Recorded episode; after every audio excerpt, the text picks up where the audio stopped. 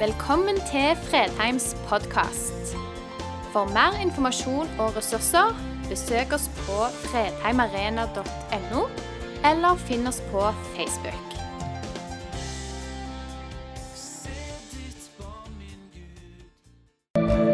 For de av oss som er eh, født på starten av 80-tallet eller tidligere, så husker mange av oss de filmene med en mildt sagt surrealistiske tittelen 'Tilbake til fremtiden'.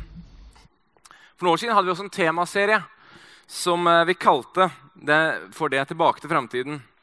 For kan det ikke av og til være riktig at det av og til ligger ting i vår framtid som vi av og til må ta et steg tilbake for å gripe? Kan det være i løpet av livet så gjør vi av og til noen valg som vi i ettertid ser de var kanskje ikke så smarte, og som forstyrrer bildet av den jeg ønsker å være, den jeg egentlig ønsker å være, det jeg egentlig ønsker å leve for. Forstyrrer bildet av vårt første møte med en levende Gud, der jeg forsto at mitt liv henger sammen med helheten av alt det Gud har skapt. Og jeg er hans. Og han er min. Noen ganger hadde det vært på tide å snu for lenge siden. Men så er det jo veldig lett å si det i etterkant. da. Det er ikke alltid du ser det når du står midt oppi det. I sommer jeg har gjort det tidligere, så har jeg snakka om en ting jeg angra på eh, fra ungdommen. Og Det er masse en liten, bitte liten bagatell, men jeg går likevel og irriterer meg litt over den. Og Det var et sånn valg jeg tok da jeg var 17-18. Og Jeg jobba på et vaskeri jeg tror jeg nevnte før, og jeg sparte opp til å, eh, et dyrt TV. Jeg skulle ha det beste TV blant alle jeg kjente. Det var målet med den vaskejobben. Jeg brukte all min tid for å spare til TV. Og så nærmer seg sommeren, da, så er det flere av mine aller nærmeste venner som skal dra på interrail. Og de sier du skal ikke være med oss på interrail istedenfor å være med og reise rundt og oppleve Europa. Og Da var jeg så låst i den ideen om dette TV at jeg ikke klarte å si at dette her kommer jeg til å ha mye større glede av. å oppleve dette sammen med mine nærmeste venner. Så jeg gikk for det TV. Og nå er det kassert for lenge siden. Totalt utdatert. Og så sitter jeg og tenker jeg burde tatt et annet valg på det tidspunktet. Jeg burde valgt relasjonene. Jeg burde valgt vennskap og opplevelsene, ikke det TV. Men så er det av og til du snakker med folk da, at da kommer de på med sin historie, og da faller jo av og til den her litt i fisk, den historien om det TV. For det er andre ting som vi kan angre på, som er langt viktigere enn at vi brukte penger på TV. Vi gjorde valg som var gøy og fornuftige akkurat der og da. Reflekterte kanskje ikke så mye over det. Lurer på hvordan dette, hvordan jeg kommer til å tenke om dette om 20 år. Det var kanskje ikke det vi gjorde.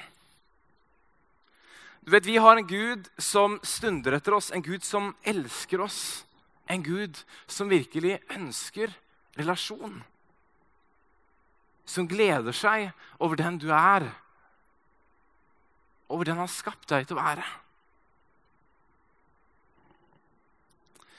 Mange plukker brunsnegler. Mamma var fantastisk med å plukke brunsnegler. Hun hadde full kontroll på det med brunsnegler. Svigermor plukker, plukker brunsnegler hver eneste kveld. Jeg har derimot prøvd en litt annen tilnærming. Som Jeg sier til Svigermor, jeg prøver å tenke at uh, min hage kan være Sveits. Nøytralt og fint. Så lenge ikke de plager meg, så skal ikke jeg plage de. Og så er det ikke sikkert vi er 100% enige om den strategien innad i familien. Så nøytraliteten blir av og til brutt knytta til sneglene. De fleste av oss er, også, er heller ikke overbegeistra for å luke blomsterbedene. Men vi gjør det likevel. Iallfall til en viss grad. Fordi det ser så mye bedre ut enn hvis vi ikke gjør det. Eller fordi til slutt så er det bare eh, ugress hvis vi ikke gjør det. Kanskje gjør vi det for at, nei, for at naboen skal synes vi har fint bed. Eller kanskje gjør vi det for oss sjøl. Hva med livene våre? Er vi like observante der? Eller er det lettere å leve med ugress og lignende der så lenge ingen andre ser det? Eller så lenge det er allment akseptert? Jeg leser fra Lukas 8, 4-15. Mye folk strømmet nå til fra byene omkring. Da en stor mengde hadde samlet seg om han, fortalte han en lignelse. En såmann gikk ut for å så kornet sitt, og da han sådde, falt noe veien. Det ble tråkket ned, og fuglene i himmelen kom og spiste det opp.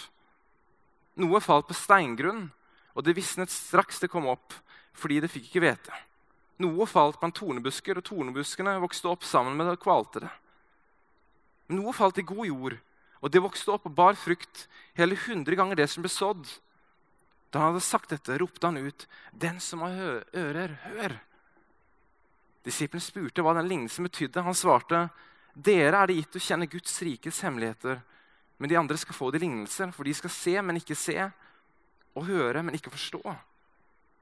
Dette er meningen med lignelsen. Såkornet er Guds ord. De ved veien er de som hører det. Men så kommer djevelen og tar bort ordet fra hjertet deres, for at de ikke skal tro og bli frelst. De på steingrunn er de som tar imot ordet med glede når de hører det. Men de har ingen rot. De tror bare en tid, og når de blir satt på prøve, faller de fra. Det som falt blant tornebusker, er de som nok hørte ordet, men som på veien gjennom livet kveles av bekymringer, rikdommer og nytelser så det ikke bærer fullmoden frukt. Men det er den gode jorden. Det er de som hører ordet og tar vare på det i et fint og godt hjerte, så de er utholdende og bærer frukt. Det er egentlig sykt radikale ord om at det ikke bare er bedene våre som trengs å stelles med. Du vet, I andre Mosebok så møter vi Moses Eh, og Kallelsen av Moses den skjer i 2. Mosebok 3 og 4. Så ber Gud Moses om å legge ned livet sitt for Gud. Og at det var faktisk det i praksis han gjorde når Gud sa, 'Hva er det du har i hånden din?' Moses var en gjetestav. Kast den til bakken. Og Moses gjør det.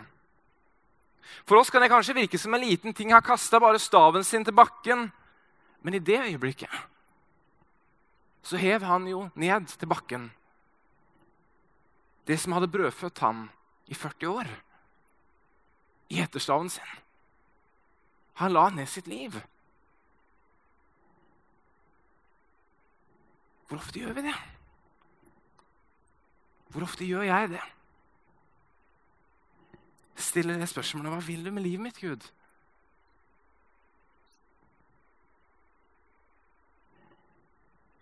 så har kanskje noen ting blitt annerledes enn det jeg hadde tenkt.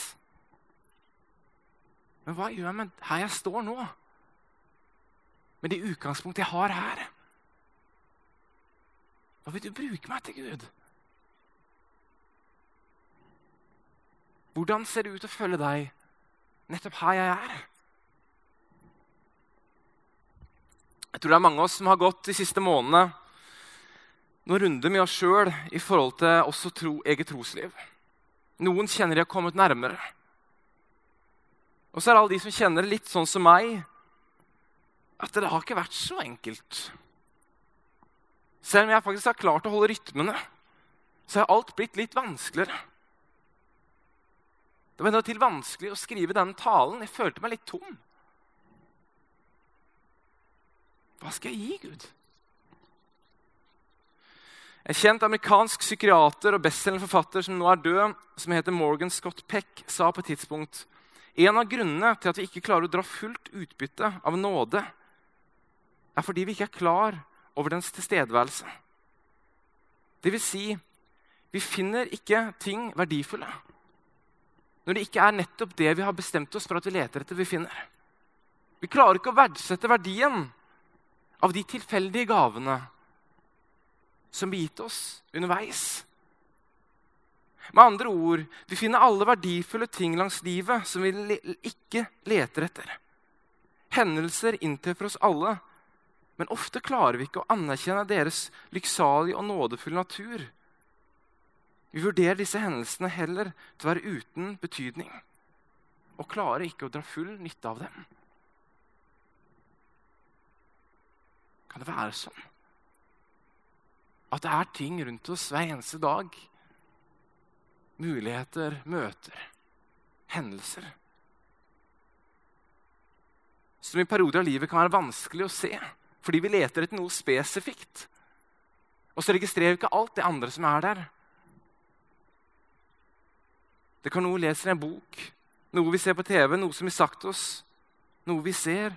Og når slike ting inntreffer, som tenner noe i oss, så er det likevel det store spørsmålet hva gjør jeg med det? Prøver du å si noe til meg, Gud? Vil du noe med meg?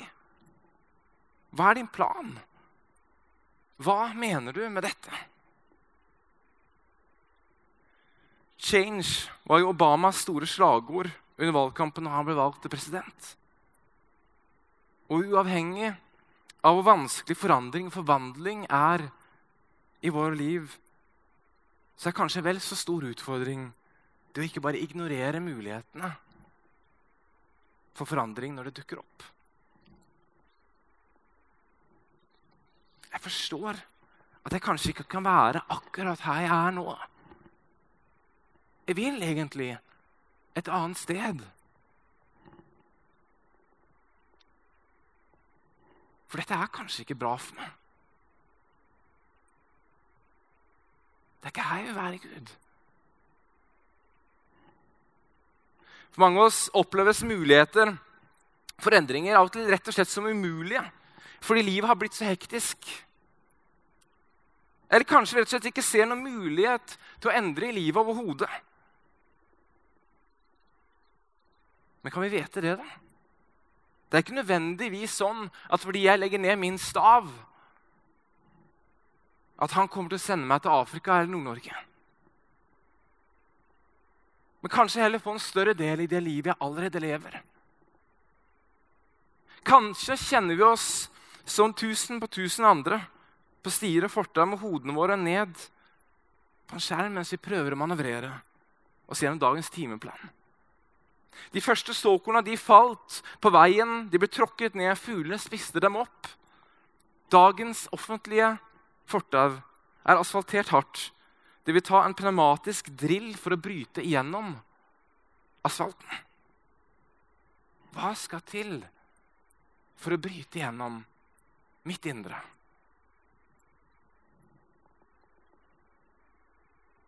Kanskje har vi ikke tid til forvandlingen eller lysten, eller vi trives med jaget. Vi finner mening i det. Og så Hvis jeg er helt ærlig og kikker inn i meg sjøl, så finner jeg noen avkroker der som ikke bare er lyse i livet mitt. Og jeg ser at jeg trenger mer av deg, Gud. Jeg trenger at du møter meg der jeg er, med den jeg er. Også de sidene av livet som jeg ikke så ofte stiller fram i lyset.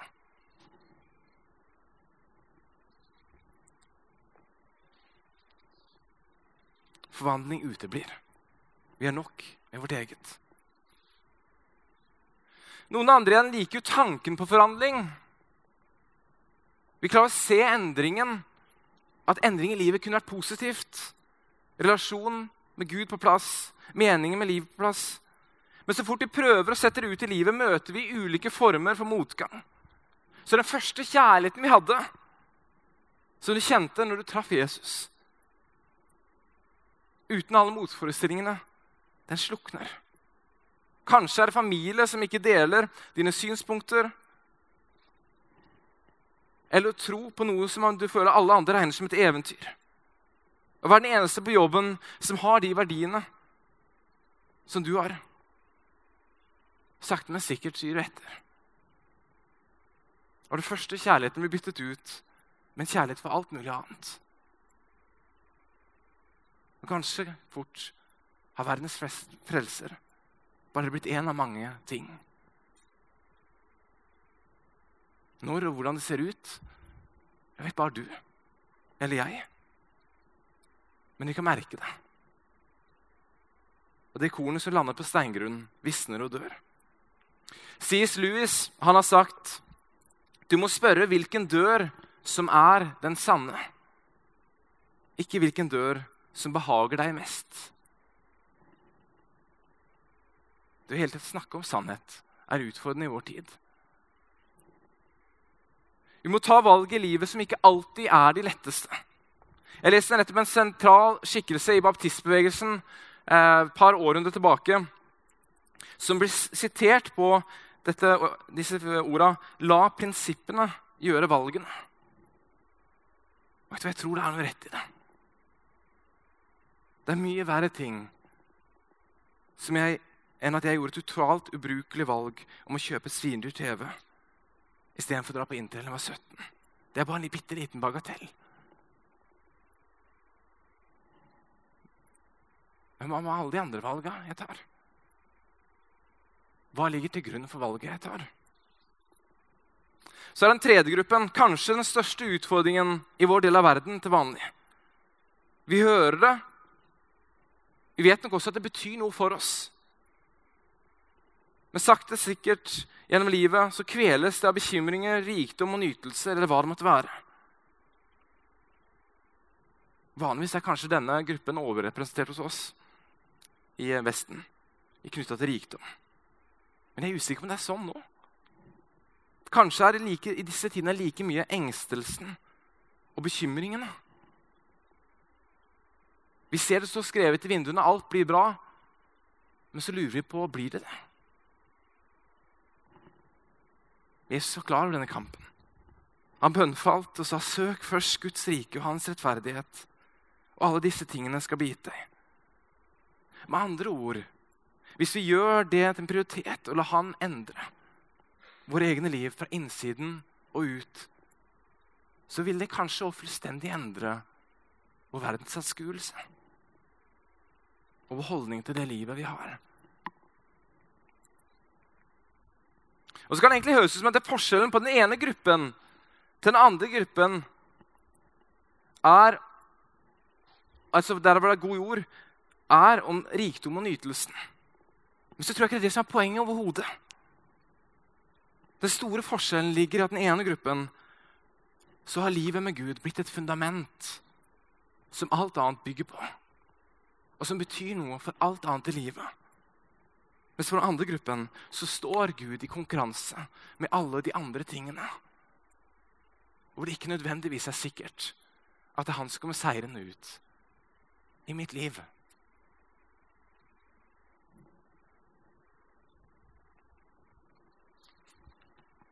Så sier vi kanskje ja Men når dette er så stort, så bør vel han kunne bare gjøre dette med meg. Og Hvis han ikke gjør det, så betviler vi kanskje mer hvor stor er egentlig Gud? Men så var det alle disse mulighetene, da. Alle disse tingene langs veien. Alle minnelsene, alle ordene, alle bildene, alle setningene. Som var der hver eneste dag. Så kunne ha innvirkning på livene våre. Eller vi kunne stenge de ute. Hadde vi tatt vare på de, så hadde kanskje nettopp det vi etterspurte, skjedd. Det hadde kanskje begynt å forvandle oss. Gud, du møtte meg på områder jeg egentlig ikke trodde du skulle møte meg på.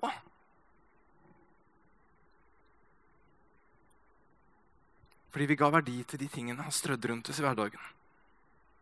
Så kanskje òg la han la deg for å vise oss vei. Motivere, oppgløde, gi håp. Men gjennom at vi stadig overså de, gjennom at jeg stadig overså de, Kanskje overså jeg han?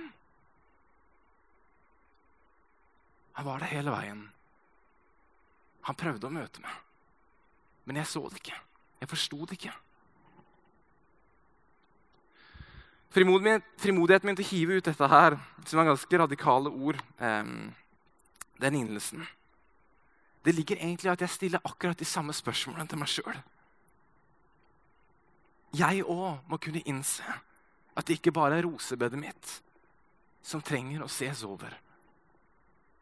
Jeg har ikke roser, men de andre bedda. Jeg har en del bed. Kanskje trenger jeg også å se over livet mitt. Hva lar jeg gro der? Hva gir næring, og hva fjerner jeg? Hvor er du, Gud, i alle disse øyeblikkene som blir til livet mitt? Og hvor lar jeg det være? Hva med alle de mørke avkrokene i livet mitt?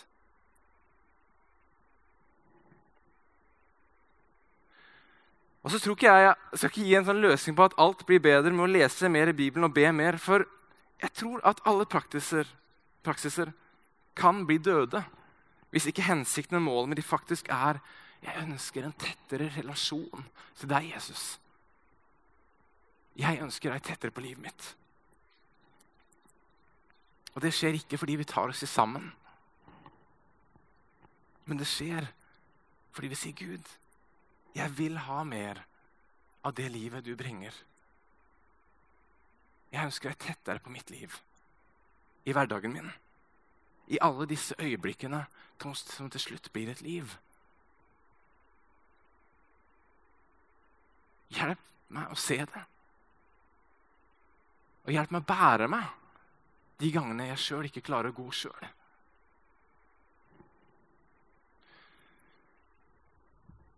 Jeg vil være med på det du gjør. Tidligere First Lady i USA, eller førstedame i USA, Eleanor Roosevelt, har sagt jeg er overbevist om at alle anstrengelser må gjøres i barndommen for å lære de unge å bruke sine sinn.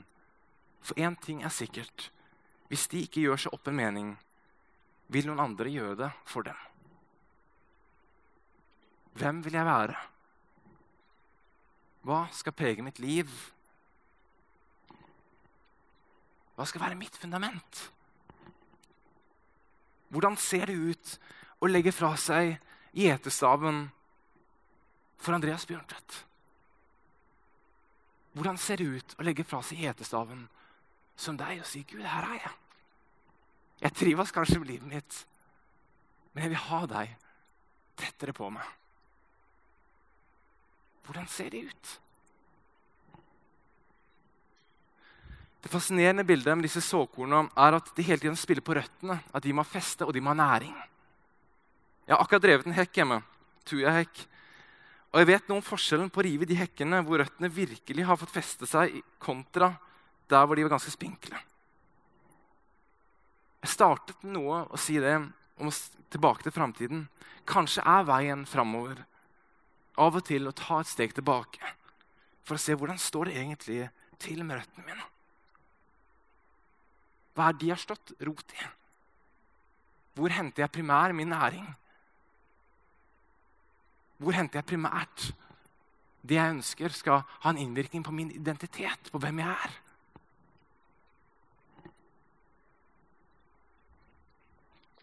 Sørger jeg for å ha røttene og la de få godt, godt feste, så blir troen et fundament i motsetning til noe som står på siden av alt det andre. Og så skal jeg bruke meg sjøl som et negativt eksempel. De to siste årene har jeg ledet en bibelleseplan på fredag. hvor vi skal lese gjennom Bibelen. Eh, I fjor gikk det helt strålende, men i år sliter jeg. Å, fytti grisen, jeg sliter. Og jeg leder planen, eh, men jeg sliter med å få det til å bety noe for meg. Denne gangen nå er det mer et pliktløp. Jeg henger etter. Og jeg gir beskjed til staben neste år, så må noen andre ta det. For akkurat nå må jeg gå et steg tilbake og lese på en litt annen måte. Hva er poenget mitt? Jeg tror ofte ikke det handler om hvor mye jeg gjør. Hvis det blir til et pliktløp. Men hva vil jeg med det jeg gjør? Hva vil du med troen din? Hva tenker jeg Kirken er? Hvem er denne Kristus? Og hva kan han være i mitt liv? Kanskje er nettopp de spørsmålene også spørsmål som avgjør litt hvilken jord ting sås. For de forteller noe om det grunnlaget for om røttene får feste eller ikke. Hva ligger i bunnen av den jeg er, og det jeg gjør? Hva er fundamentet i livet mitt? Vi ber. Kjære Jesus, takk for at du møter oss der vi er. Takk for at vi får lov å starte opp igjen og ha eh, fellesskap sammen. Få lov å lovsynge, få lov å møtes, få lov å se hverandre. Kjenne på gode relasjoner, Herre. Be om at du møter oss der vi er i dag. og eh, Be om at du bruker denne gudstjenesten til å tale inn i menneskets liv. Jesus. Er det noe av det jeg har sagt som er feil, Jesus, så be om at det faller dødt i jorda.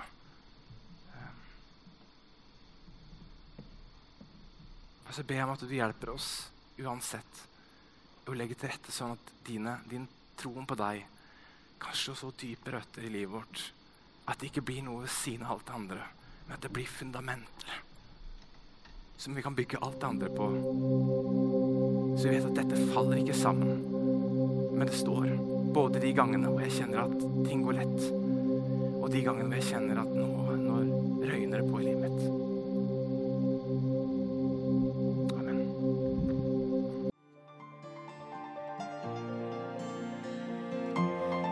at du valgte å høre på. Nye opptak legges ut hver uke. Vi har gudstjenester hver helg, og du er hjertelig velkommen.